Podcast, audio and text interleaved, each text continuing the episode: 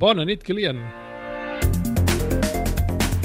És allò que dèiem abans, eh? en un mercat més competitiu que mai, les empreses han de tenir en tot moment, si no les finestres obertes, diguem-ho d'una altra manera, l'antena posada sobre el mercat. Eh?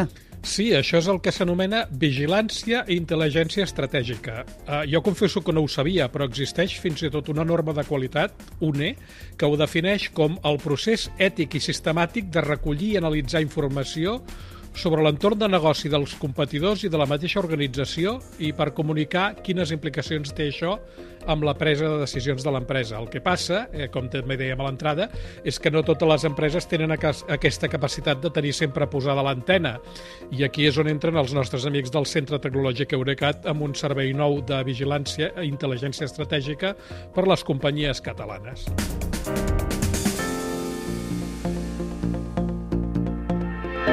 I quins beneficis té aquest servei de vigilància per a les empreses que el contracten? Doncs, en poques paraules, eh, que puguin aprendre i actuar més ràpid que la competència.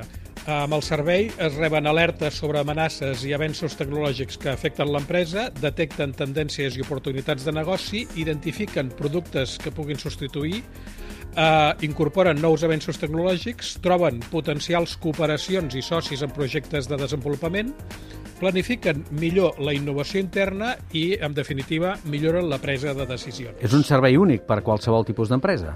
Doncs, de fet, no, perquè aviam, en tots els casos els especialistes d'Eurecat el que fan és vigilar la legislació, els aspectes mediambientals i socioculturals, els competidors, els productes i serveis que van sortint en els mercats líders, anticipen necessitats de consum, tendències de demanda, identifiquen senyals que avisen de tecnologies emergents, d'innovacions rupturistes i d'oportunitats i amenaces dins del sector amb què treballa cada empresa. Però el que sí que hi ha són tres modalitats de servei.